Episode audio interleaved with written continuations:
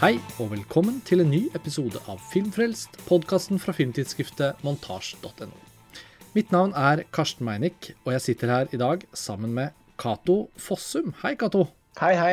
Velkommen tilbake til Filmfrelst. Tusen takk. Det er veldig hyggelig å få lov å være med. Det var en stor glede å ha deg med på podkasten vår i våres, eller i koronaens tid, som vi får kalle det. Og um, nå har vi jo blitt enige om et veldig sånn spesifikt tema for denne episoden òg. Men jeg har jo følt etter at du har vært med, at uh, uh, en av de store gledene med å ha med deg, er jo at du kan egentlig trille ut den ene refleksjonen om veldig forskjellige filmting da, fra gang til gang. Uh, I det ene øyeblikket så snakker vi liksom om, om slow cinema og, og, og, kinofilmen i koronaens tid, og så var det jo en glede for meg å høre deg, da. Da var jo ikke jeg med selv. Under den alternative Cannes-festivalen, da Ja, da snakket du om veldig mange forskjellige filmer i løpet av den episoden, og det og nå skal vi jo liksom til en veldig spesifikk filmskaper, så øh, jeg syns i hvert fall det var veldig, veldig gøy å høre at du har fulgt med på Cinematekets retrospektiv over den franske regissøren Robert Bresson, eller Robert Bresson, sine filmer. Yes. Og det har jo skjedd nå etter sommeren, og um, for de av lytterne som ikke kjenner til Bresson så godt, så er jo han en av de filmskaperne som i hvert fall alle med filmvitenskap eller som har gått på filmskolen eller som på en eller annen måte har blitt undervist i filmhistorie, så er det veldig vanskelig å komme utenom at Bresson eh, nevnes eller eh, får sitt eget eh, kapittel. Han er veldig innflytelsesrik, og hans mest kjente filmer må jo kunne sies å være Pickpocket og og Hazar Balthazar, og for så vidt også filmen som er i fokus litt for vår samtale i dag, eh, L'Argent, som var den siste filmen han laget, som hadde premiere i 1983. Men han var jo da altså aktiv fra sine første filmer rett etter andre verdenskrig.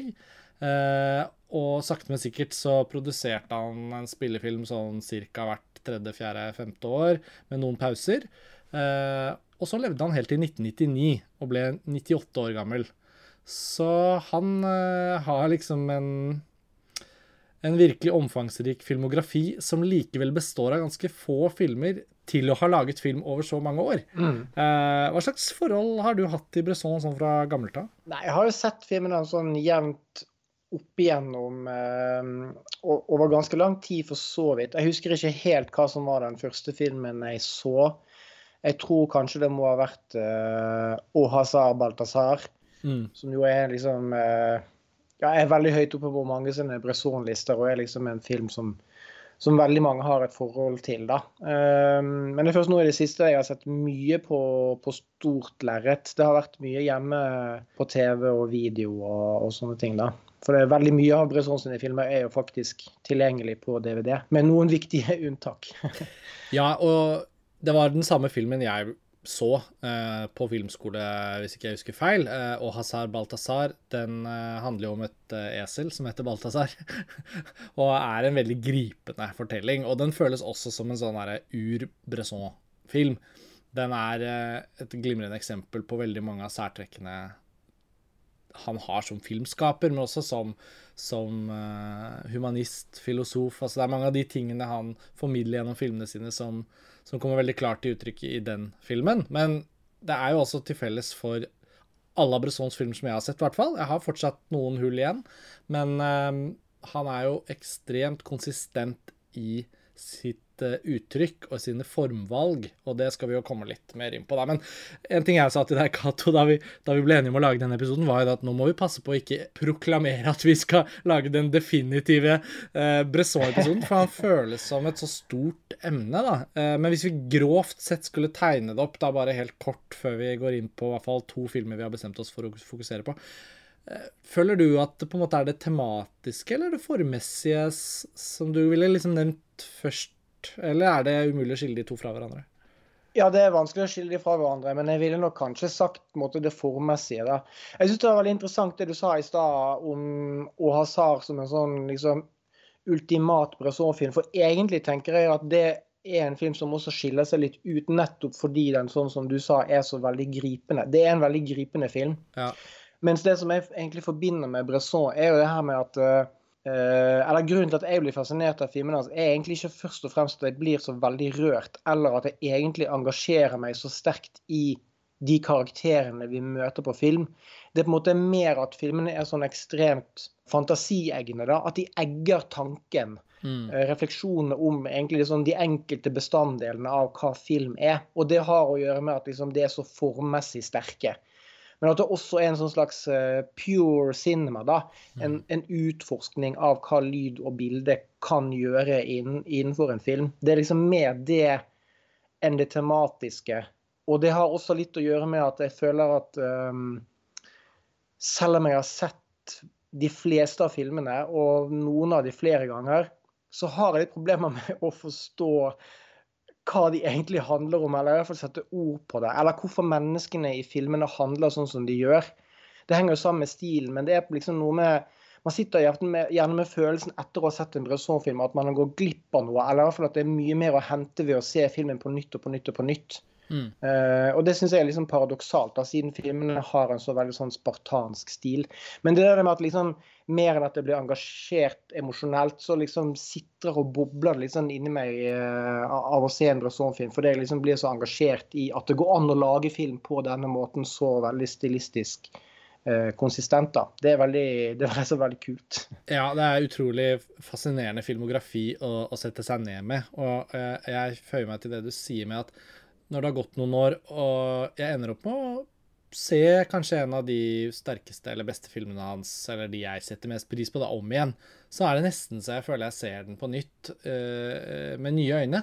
Mm. Og det er, det er, en helt sånn spesiell egenskap, og det gjelder jo litt for f.eks. da L'Argent, da, som vi skal snakke litt mer om nå. Uh, den er aktualisert litt uh, og, og fremprovoserer litt denne episoden fordi den nå skal distribueres på de syv digitale cinematekene rundt omkring i Norge. Da. Så ved siden av at uh, Cinemateket i Oslo har dette retrospektivet, da, hvor de viser, og har vist, da, mange av hans filmer, så sendes altså L'Argent ut til uh, alle disse byene som er en del av dette digitale cinemateknettverket. Så det, det betyr jo at uh, fordi årene går jo så fort, så kommer det nye generasjoner til som er nysgjerrige på cinematekfilm, og som kanskje ikke har hatt anledning til å se en Bresson-film på det store lerretet, f.eks. Uh, eller som ikke i det hele tatt har fått sett sin første Bresson-film. Så, så, og den er jo også en veldig, veldig bra Bresson-film. Uh, helt der oppe blant mine favoritter. Og jeg benyttet anledningen da til å se den enda en gang i dag. Og uh, du fortalte meg, Cato, at du har vært på Cinemateket nylig og sett en av Bresson-filmene jeg ikke hadde sett fra før av. 'Lancelot du Lac'. Så det ble liksom en double feature for meg, da. Så nå har jeg endelig sett 'Lancelot du Lac'. Den er fra 1974. Og så mm. er det da 'L'Argent' fra 1983. Så um, i og med at vi begge vet at det er blitt skrevet mye om Bresson, det er blitt tenkt mye om Bresson Han har jo selv skrevet en veldig innflytelsesrik bok om filmspråk og sitt sin liksom innfallsvinkel til filmmediet, så ble vi litt enige om at kanskje den fineste måten for oss å snakke om han og filmene hans på i dag, er litt å snakke om vår opplevelse av filmene, mer enn å prøve mm. å referere inn alle mulige referanser. Men bare så lytterne vet det, så er det jo selvfølgelig da et vell av kilder å gå til for å gjøre seg enda klokere på Bresson, og det er jo det vi også gjør.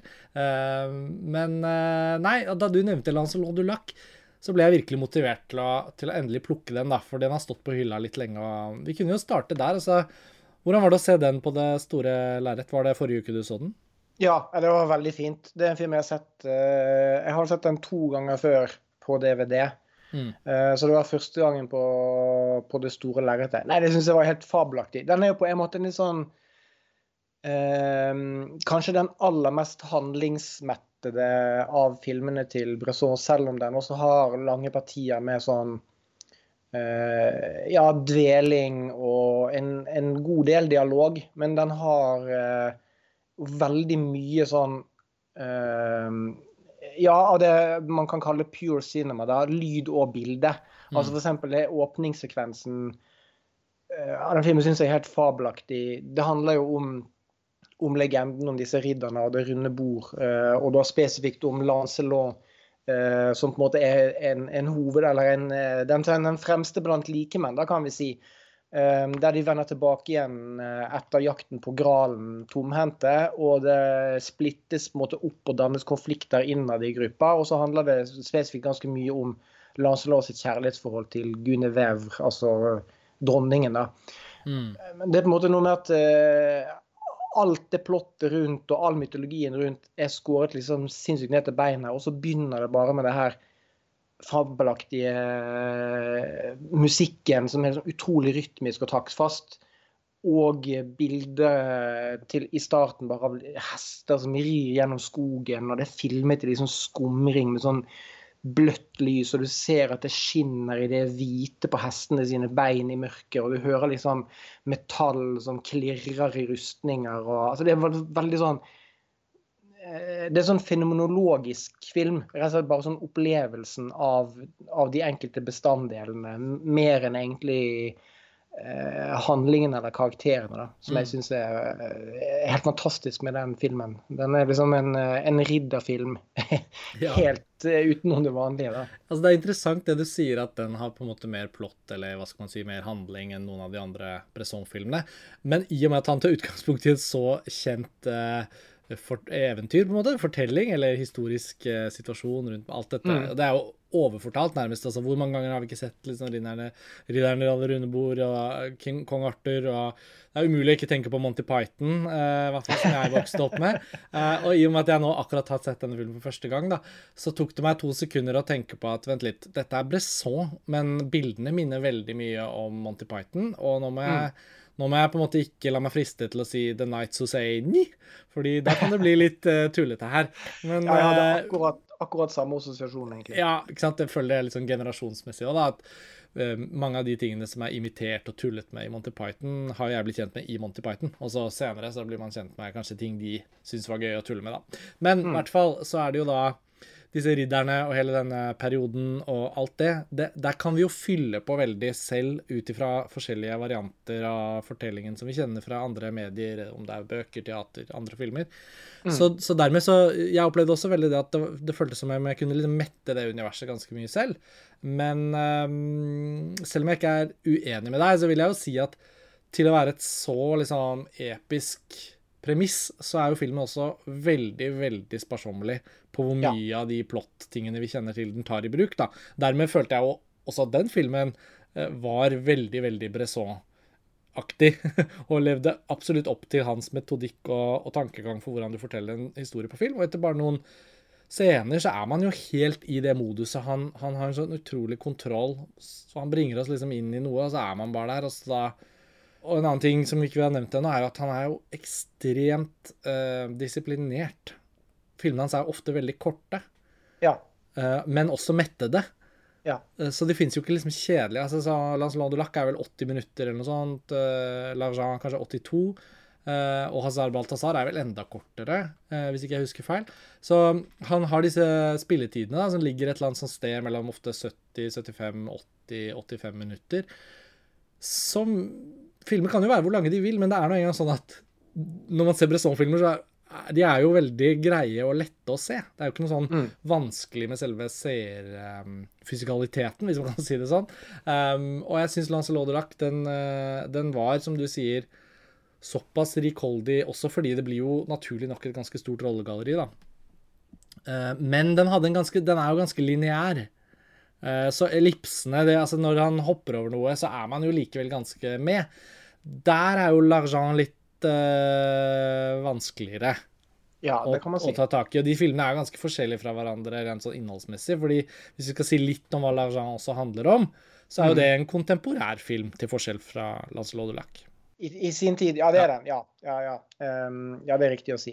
Men, men, det er også interessant å, å tenke på om den, om den, egentlig er kontemporær også i dag. Jeg tenker at den, den for så vidt har en, en tematisk relevans selv om den uh, ja, er så, er så, gammel og handler om penger på en, på en, helt annen måte enn vi er vant til det i dag. Da. Ja. Nei, hva skal man si? På, egentlig, på, på en måte så, så, begynner de jo veldig likt. For Larshan har også en sånn fantastisk sekvens til å begynne med. som Når jeg så den, så tenkte jeg sånn Dette her er jo eh, minibankens svar på Alfred Hitchcocks eh, dusjscene i Psycho. Fordi den er liksom så utrolig raskt klippa.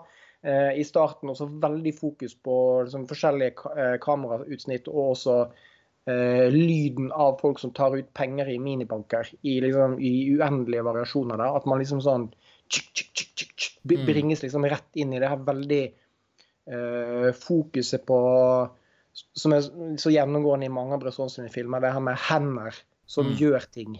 Uh, og at man liksom, han fokuserer på liksom, utsnittet på hendene og filmer egentlig aldri ansikter for å uttrykke følelser, men mest ansikter bare for å liksom, dokumentere at noen egentlig snakker. Det holder liksom å vise uh, nærbilder av hva som skjer, uten at man egentlig forstår hvilken person det dreier seg om. Så, så du kommer liksom rett, rett inn i i Bresson-verden helt, helt, fra starten av. det.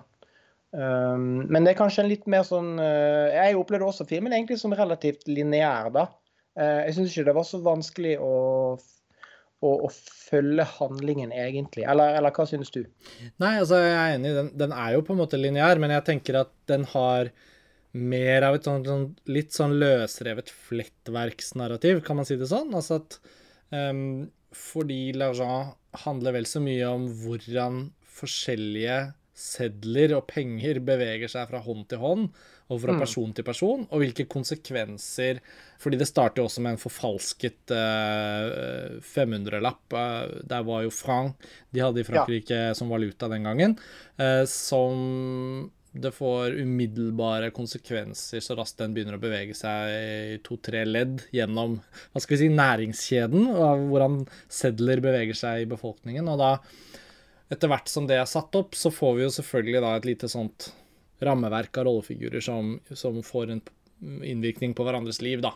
Med mm. en, en uskyldig stakkar som blir en slags hovedperson. Han tas av politiet for å ha brukt en forfalsket seddel, men vi vet at han ikke har gjort det bevisst. Og likevel, pga. hans klassetilhørighet, så blir han rammet av systemet. Og da får han en sånn kafkaesk opprulling, nærmest, hvor han også ikke klarer å gjøre, gjøre de riktige valgene etter at han først har blitt uh, uriktig dømt. Da. Og så blir jo det en nedadgående spiral for hans del. Men filmen holder oss hele tiden oppdatert på hvor og hvem de andre rollefigurene til enhver tid er. I hvert fall flesteparten av dem. Um, denne fotobutikken hvor det skjer i, første scene, og kommer tilbake til de som innehaverne og andre involverte som har rike foreldre, som kommer og ordner opp og sånn. Så det, det er det, kanskje det jeg mener litt med at på nesten sånn litt sånn Robert Altman-aktig måte i miniatyr, så, så, glir ofte plottet litt sånn fra rollefigur til rollefigur her, da. Uh, mm. og, og, jeg husker første gang jeg så den, uh, da sleit jeg litt med å henge med på altså detaljene, også fordi filmen merkelig nok går ganske fort unna. Jeg tror Når man ser noen minutter, så tenker man dette er jo ikke en sånn film som går fort, men plutselig så innser man at Bresson Pga. ellipsene så hopper han jo også over da ganske mange sånne ting vi er vant med å få se. da, At noe dramatisk får en utvikling, og det blir liksom emosjonelt behandlet i masse mellomscener, og så går vi videre i plottet. Mm. Han hopper jo ofte over den emosjonelle biten, og det gjør også at filmene er veldig spennende å følge andre og tredje gang man ser dem. fordi sånn som i dag òg, så kjente jeg altså at jeg fikk et enda renere inntrykk av filmens flyt, kanskje, enn jeg har fått de andre gangene jeg har sett den. Ja. Uh, og den har jeg sett på et stort lerret tidligere, um, og det gjorde også veldig inntrykk. og og de fleste Bresson-filmene er jo litt sånn i Academy ratio, da. Men både Lancelot og den her er jo Lancelot er vel 1,60-61 mens, mm. uh, mens uh, L'Argent er vel litt sånn klassisk uh, eh, 16-9, liksom. Men, mm. um, men det er noe med at jeg tror mange kan ende opp med å liksom forhåndsdømme Bresson litt hvis de først liksom kanskje ikke helt har latt seg fenge. Så kan det nok fremstå som ganske sånn tørr, kald filmskaping. Og, og, og, og jeg sier jo ikke at det ikke er det, men det er et eller annet med at når man først kommer under huden på hva slags filmspråk han dyrker, altså hva han vil at vi liksom skal oppleve, så må jeg jo si, og det er jo en klisjé, men det er jo Jeg kan nesten ikke komme på en annen filmskaper som nærmer seg et sånt type filmspråk som Bresson gjør. Det er veldig mange har blitt inspirert av ham, men det er ingen annen filmografi jeg kan komme på som klarer liksom å speile akkurat den effekten han oppnår. Da. Og akkurat hva den effekten egentlig er, det er ikke så lett å artikulere. Men, men, uh, men det var veldig sånn berusende å se liksom, to filmer av ham nå på rappen. Ja. Uh, og, og, begynne å tenke liksom, på Bresson igjen. Han, uh, han modnes liksom etter hvert også. Vi er, jo, vi er, jo, ikke 21, noen av oss to, så det kan hende det har hjulpet oss å liksom, ha han med seg litt. Ja, det kan være. Det, det, men det er en krevende film å se på en litt annen måte enn uh, Lars Lordi Lack. Fordi, sånn, ja, litt sånn som du var inne på, da, det går veldig fort i starten. Altså, man er liksom ferdig med egentlig Ja, en hel historie? Ja, med de definerende handlingene på liksom rett og galt og skyld og, og forbrytelse etter liksom 20 minutter, på en måte. Mm. Uh, og, og, så får det veldig mange konsekvenser, uh, konsekvenser etter det. Og det er også et veldig, veldig tydelig klasseperspektiv, da, som, som du sier, om, om, hvem det er som rammes av denne handlingen. Vi følger en sånn ja, en, en, ung mann som det til slutt går veldig dårlig med. Men jeg tror kanskje noe av det som, eh, som gjør at det også er veldig fascinerende å se denne filmen mange ganger, da, er det der med at man fortsatt ikke får helt grep om hva det er han vil si, eller noe. Eh, du var inne på det her med ellipser. At han, han kutter jo ut veldig mange eh, Både den liksom emosjonelle eksposisjonen som gjør at du får liksom ikke tilgang til personers følelser. Også, også fordi måten de spiller på, da. Han er jo kjent for denne veldig sånn nøytrale spillestilen der folk bare avleverer replikker uten at du egentlig skal eh, de skal ilegges en sånn spesiell følelsesmessig valør, verken den ene eller andre veien. Så du, du, får liksom ingen sånne inngangspunkter til hva eh, menneskene føler. Og så er det også veldig mye av handlingen som, eh, eh som kuttes ut, med mindre den er helt nødvendig. For er det jo det er et bankran her som er veldig sentralt. Men vi får aldri være med liksom, inni banken. Det er liksom mer sånn fullt fra utsiden. Mm. Mens andre ting, da, som, som, en, som andre regissører ville liksom lagt, ligget igjen eh, på, på gulvet på klipperommet, det har jo han med. F.eks. den her transporten inn og ut av dører, som er liksom veldig veldig gjennomgående i L'argent. Mm. Uh, i, i, alle filmer Bresson, men her enda mer. da. At liksom vi får se fanger som kommer til fengselet. Vi får se hvordan de liksom møysommelig frakter eiendelene sine ut av denne fengselsbussen. Går inn gjennom dører, ut gjennom dører i, i fengselet, i banken, i rettssalen, hjemme, i denne butikken der Mm, pengeseddelen først ble omsatt. Så det er liksom ekstremt uh, fokus på, på, dører. Men du får egentlig aldri helt tak i likevel hva som er beveggrunnen til hver enkelt person.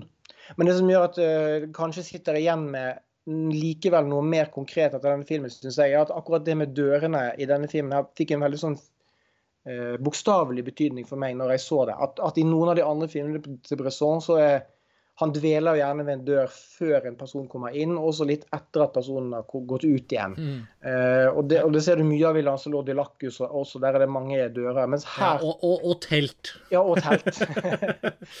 og, vanligvis så har, får de dørene nærmest en sånn eksistensiell dimensjon, at de sier noe liksom gåtefullt og utgrunnelig om personene. Hvor skal de hen? Mens her følte jeg at det ble veldig sånn, rett og slett et uh, nesten litt sånn konkret symbol på avstengning. da. At det handler om hvordan ulike rom og institusjoner i et samfunn stenger av og isolerer eh, ikke bare ulike mennesker fra å føle medfølelse med hverandre, men for å liksom, de skaper soner i livet som gjør at vi kan avsondre andre. At vi kan la være å ta hensyn til eh, følelser eller tanker på hvordan det egentlig går med, med de personene som vi, som vi, støter unna. Altså de, de utstøtte i samfunnet her går det dårlig med. Og det er på en måte noe med at eh, de ledes gjennom så mange dører, rent fysisk, men også billedlig, da, at, de, mm. at de, det blir lettere for, for allmennheten å, å, stenge de ute. Så det blir en veldig sånn en konkret symbolikk i filmen som jeg syns var, var, var, annerledes fra, fra, noen av de andre filmene. da. Eh, det er ekstremt iøynefallende med dører. Jeg vet ikke hvor mange det er. Det må være liksom over 50 forskjellige, liksom. Jeg tror egentlig, mens vi også snakker om det, så slår det meg at av alt jeg har sett av Bresson, så føler jeg at jeg kan gjenkjenne han veldig klart og tydelig i hver av filmene. Men så fort man begynner å liksom sette litt ord på detaljene som skiller den ene fra den andre, så, så har de også veldig sånn tydelige særpreg, hver og en av dem. Eh, mm. Man kunne si at Pickpocket, for eksempel, da, som er jo laget eh, 25 eh, år nesten før L'Argent, på en eller annen merkelig måte skulle ha masse til felles med L'Argent, for det er en eller annen følelse av at OK, vi er liksom vi er på gatene i Paris, mm. Eh, penger, lommebøker, lommetyveri ikke sant? Det er noe med at man tenker ja, ja. Men, men, likevel så har de også filmene veldig sånn distinkte særtrekk hver for seg og, og oppleves annerledes. Så det, det som er interessant med Pickpocket, som jeg alltid har likt så godt med den, er at der tar han seg plass til å la rollefigurene ha litt sånn filosofiske samtaler og refleksjoner rundt en, liksom en, en moralske spørsmål. Um, særlig en sånn nydelig scene hvor uh, han hovedpersonen havner i prat. Han liksom gir seg ut for å være noe andre, så snakker han med politimannen før de liksom um, er politi og røver, da. Uh, og da har de en, en ganske sånn spennende refleksjon rundt liksom en del av de moralske spørsmålene som filmen også selv tar opp. Uh, I L'Argent føler jeg at det er filmens bilde Altså, den er enda mer kokt ned til liksom de audiovisuelle uh, eksemplene, mm. da, motivene, skissene av liv som rammer hverandre.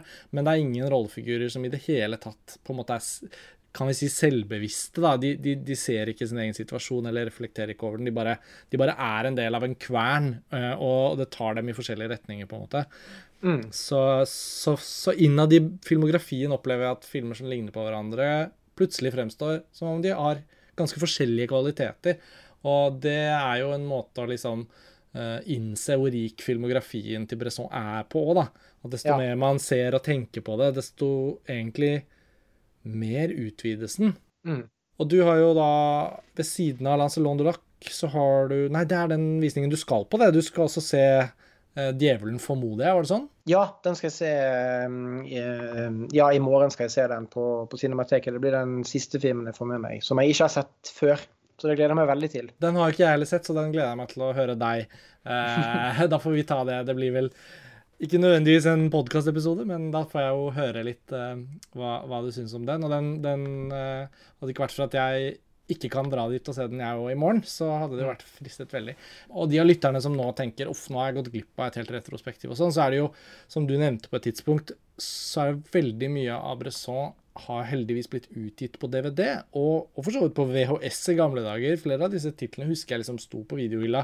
Så han har jo vært en filmskaper som for mange generasjoner jevnt over har vært ganske tilgjengelig.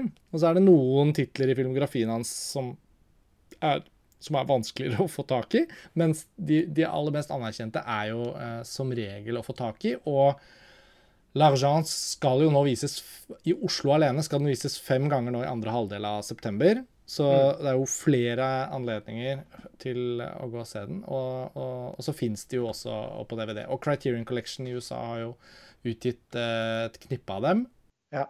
Og hvis man har Criterion Channel, denne strømmetjenesten til Criterion, så ligger eh, syv eller åtte stykker der. Så ja, det er i hvert fall mange måter å, å få sett Bresson på. Og eh, jeg tror nok bare at jeg er litt misunnelig på at du har fått sett så mye på det store lerretet nå de siste dagene. Syns du den forskjellen Kjenner du Hvordan vil du liksom beskrevet den forskjellen? Det er kanskje særlig det med, med lyden, da at lyden blir fort veldig annerledes. For det er mye bedre lyd eh, i en kinosal enn eh, i hvert fall jeg klarer å få til hjemme. Så det er liksom det, Men det er også det med at eh, det, det, er filmer som krever veldig konsentrasjon. altså. Det, det, går liksom ikke an å følge sånn halvveis med eller bli distrahert. Det, det bør man jo aldri gjøre, selvfølgelig. Men, men, med Bresson er det liksom helt sånn fatalt. Da faller man helt ut. Mm.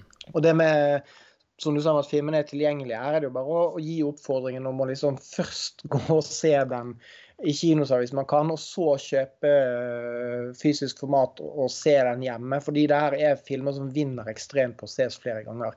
Så der man liksom klarer å konsentrere seg om bevegelsene, overgangen fra, fra bilde til bilde, studere liksom nærbildene og se på hvilke motiver som går igjen i filmen. For du får liksom ikke så mye gratis, altså. Eh, du, du, må investere veldig i filmen for å, for å få hentet ut det som finnes der. Så, så, det er vel det som er den viktigste grunnen til at det er lurt å se det i kinosal, rett og slett. Kanskje mer enn akkurat hvor spektakulære hvert enkelt bilde er. Altså, Lancelot de Lac syns jeg er en utrolig visuelt flott film. Mens Lachat, selv om det også er flott, er jo litt mer sånn veldig kald og hard og ganske grå. Ting foregår i liksom veldig sånn grått miljø. Mm. Uh, og Bresson sjøl var jo også veldig opptatt av det her med Det handlet ikke om liksom, de enkelte bildene, men at bildene skulle være liksom etter hverandre i en rekkefølge som ga, ga en mening. Så, så, det er det med konsentrasjon som er viktigst, egentlig. altså. Ja, nei, det må jeg bare si meg enig i. og ikke konsentrasjon bare fordi det liksom skal være sånn, et påfyll av tran og dette er bra for deg og sånn, men, men, konsentrasjon fordi Bresson er jo også en veldig, veldig spennende filmskaper å se. Jeg, jeg tenker at uh, det er klart, hvis du, hvis du ser uh, L'Argent, da, og du ikke liker det, da kan mm. du jo gjerne kanskje bare skippe Bresson inntil du er klar for det igjen. For det er noe med det òg, at det er litt en sånn litmus-test, tenker jeg. at Eh, hvis ikke du liker L'argent, så er det ikke så lett å trekke en annen film opp av hatten og si ja, men da liker du helt sikkert Au Hazar Balthazar, på en måte, eller Pickpocket, eller um... Nå skal det sies at jeg er ikke, jeg er ikke helsolgt på alt av Bresson, da. Jeg vet ikke om du har noen Bresson-filmer du har sett hvor du har tenkt den var ikke helt Men jeg har en. Ja. Og det er den landsbyprests dagbok. Ja, det var akkurat den jeg tenkte på. Men, eh, men jeg har bare sett den én gang. Og, og, den har jeg ikke sett på stort lerret. Så den er for sånn film som jeg tenker sånn, den må jeg investere i på nytt. Men ja, jeg fikk ja. ikke helt fot på den sånn Nei, altså, jeg gir den jo ikke opp. Jeg sier ikke det. Eh, jeg respekterer selvfølgelig Brusson altfor mye til å liksom på en måte gi opp denne filmen. Men det jeg gjorde, var at forrige gang nå husker jeg ikke hvor mange de viste da, men jeg var på Cinemateket og så denne filmen uh, mens jeg satt og klippet uh, en film. Og vi hadde, var litt sånn inspirert uh, på klipperommet, satt i Oslo, og så var det litt sånn OK, vi drar ned på Cinemateket, og så ser vi en Landsbypress dagbok. Den går klokka mm. seks, ikke sant, til Lillebil. Mm. Og så kom vi ned dit, og jeg var liksom så klar for at det skulle være en av de Bresson-filmene jeg ikke hadde sett, og det skulle bli bare så gjevt å se mm. den. Den er fra 1951. Det er da åtte år før Pickpocket uh, og, og José Balthazar. Den er fra 1966. Jeg kjente at det var ikke den Bresson som jeg følte var helt fremme ved siden liksom, Essensen av hva han Nei. har blitt så god på, da. Jeg opplevde at det var en veldig sånn snakkesalig film. Det var sånn endeløse mengder dialog, utrolig mye voiceover. Og på ingen måte den der litt sånn dynamiske visuelle opplevelsen som jeg syns det særpreget Bresson har dyrket frem gjennom filmografien. da. Det føler jeg ikke at var på plass helt i den. Men det skal også sies at rare var at dette var da et tilfelle av at filmkopien var en 35-rull som var så slitt. Så jeg har alltid tenkt at det var 20% av problemet. At 35 mm romantikk kan vi alle gjøre oss skyldig i titt ofte. Men dette var tilfellet at det liksom gikk eh, Det runda brettet litt. da, At det kom rundt mm. at jeg tenkte jeg ville heller sett den på DVD, på en måte. Um, og det er jo kanskje litt sånn eh, helligbrød å si. Men um, jeg skal gi den en ny mulighet når anledningen ja. byr seg. Men det er liksom den ene Bresson-opplevelsen hvor jeg kjente at oh, det er sånn som gjør at jeg ble bitte litt mindre interessert uh, igjen, da. Men jeg vet at mange syns den er helt fantastisk, og, og, den er anerkjent, den. Så det var bare ikke for meg. Nei, jeg har også veldig lyst til å se den på nytt. Den har stått på lista lenge. Altså, Det er jo veldig kjent at, at eh, Bresson var troende katolikk, og at, uh, at liksom sånn spirituell eh, tematikk er gjennomgående i alle filmene hans. da, Men gjerne da på et litt mer sånn allegorisk plan. Og Det er vel den eneste filmen som handler eller en av få filmer som handler spesifikt om en eh, om religiøs tematikk per se, da. Altså i og med at det handler om en prest. Så sånn sett tenker jeg kanskje at det er en film som, som man kan se som en sånn slags eh, Ja, ikke som et supplement, men se den mye mer i lys av, av resten av filmforfatterskapet, sånn tematisk. da, Se om det kanskje er noe å hente ut av filmen der. At det er kanskje noen, noen ting som har med det her med predestinasjon, altså det, ens forutbestemte skjebne og nåde og disse tingene som, som, vi vet at han var opptatt av, det, som kanskje kommer tydeligere fram eller får en annen vinkling i den filmen. Kan, kanskje det er sånne ting mm, ja. som, som vil dukke opp når man ser den på nytt. Jeg har også sett den eh, damen i Boulogne-skogen, som er sånn enda tidligere film. Den er fra 40-tallet. Den syns jeg også var litt sånn mye mindre stilistisk eh, særpreg, veldig mye prating og litt sånn utypisk person. Den var Ja. Men jeg, men jeg har også lyst til å se den på nytt. Ja. Eh, han henger liksom så høyt at du har liksom ikke lyst til å gi opp noen av filmene. Og det fine med de filmskaperne Man skulle jo alltid ønske seg at de store filmskaperne hadde laget kjempemasse film, og at alt er bra, og at det liksom er Ikke sant? Uh, ta Hitchcock eller noen av de som har Spielberg, altså folk som har virkelig laget masse film, så er det masse å ta av. Men jeg liker også litt grann, når man bare tenker på at filmhistorien er et måltid, og at vi setter oss ved bordet og bare Hva skal vi ta i dag? Så er det jo veldig greit med de filmskaperne hvor filmografien er litt sånn håndterlig. Mm. Det er vel 13 spillefilmer han lagde. Eh, jeg har vel igjen uh, Hva regnet jeg frem til i stad? Fire stykker, tror jeg. Og, um, og, ja, og nå fikk jeg tatt Lancelot du så da kan jeg huke av den. Og det var jo en veldig, veldig bra film. Jo, men det var jo litt sånn faktisk mye bedre enn jeg hadde trodd. Fordi jeg har alltid følt litt at de aller mest berømte, og de som har blitt nevnt oftest og vist oftest, strengt tatt har vel endt opp med å være de jeg liker best. Mens Lance du Lac har jeg ikke følt at vært nevnt så ofte, men kollega her på Filmfrelst, Lars Ole Kristiansen, han har den som en sånn topp tre-bresson, da. Så jeg tror han var veldig fornøyd med at jeg endelig fikk sett den. Ja. Men uh, det er gøy med L'argent, apropos ingenting, men uh, vi hadde jo den alternative Cannes-festivalen i våres, Cato, som du også fulgte og snakket om her på Filmfrelst i den episoden du var med på. Ja. Men det er så gøy å tenke på av og til um, hva slags klima ble liksom den og den filmen vist i. Og siden Bresson uh, lagde sin siste film med L'Argent, og for så vidt levde ganske mye lenger, men, men, da aldri fikk laget en film igjen Han lagde den som 82-åring.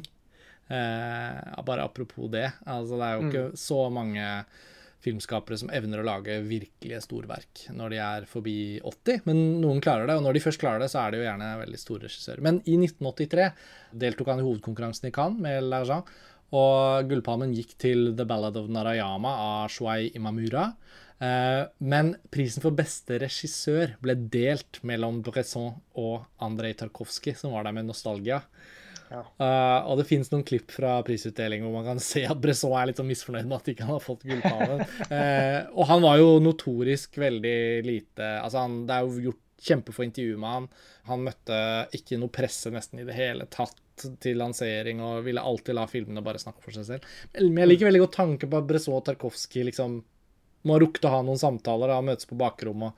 Apropos ikke sant, spiritualitet i film som uttrykkes kanskje ikke ja, ja, ja. Altså Det er en slags sånn um, Jeg vet ikke. Jeg liker så godt når spiritualitet kan reflekteres over på film uten å nødvendigvis trykke en sånn form for religiøs holdning nedover publikum.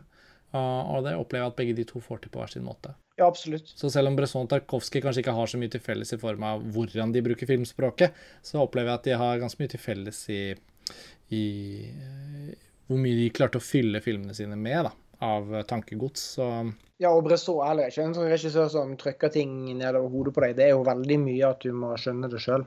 Apropos Cannes 1983, så rett før vi gikk i opptak, så satt jeg også så litt på sånn pressekonferansen til Bresson etter den visninga, faktisk. Ja. den er veldig gøy å se. Den ligger på YouTube. Han eh, virker ikke som han er 83. Han er veldig sånn ungdommelig og vittig og litt sånn nervøs tilstedeværende energi. Selv om han hører litt dårlig. Alle spørsmålene må gjentas liksom tre ganger før, før, han skjønner det. Men han er veldig spiss og, og artikulert. Ja. Og det er ganske gøy å høre på hvordan han kontrer spørsmålet fra forskjellige journalister. Det er bare å gå inn og se. Han har jo også en sånn veldig sånn biskopaktig fremtoning. Ja. Så jeg kan jo se for meg litt sånn unge, unge journalister som skulle dekke Cannes-festivalen og kom liksom svaiende ut av L'argent. De hadde kanskje ikke de beste spørsmålene klarer jeg nødvendigvis for hånden. Um, morsomt annen ting med 1983 var at Vibeke Løkkeberg deltok med Løpejentene i Kritikeruken. Ja.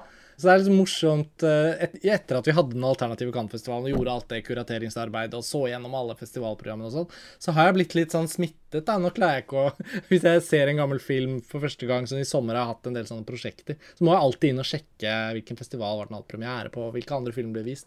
Mm.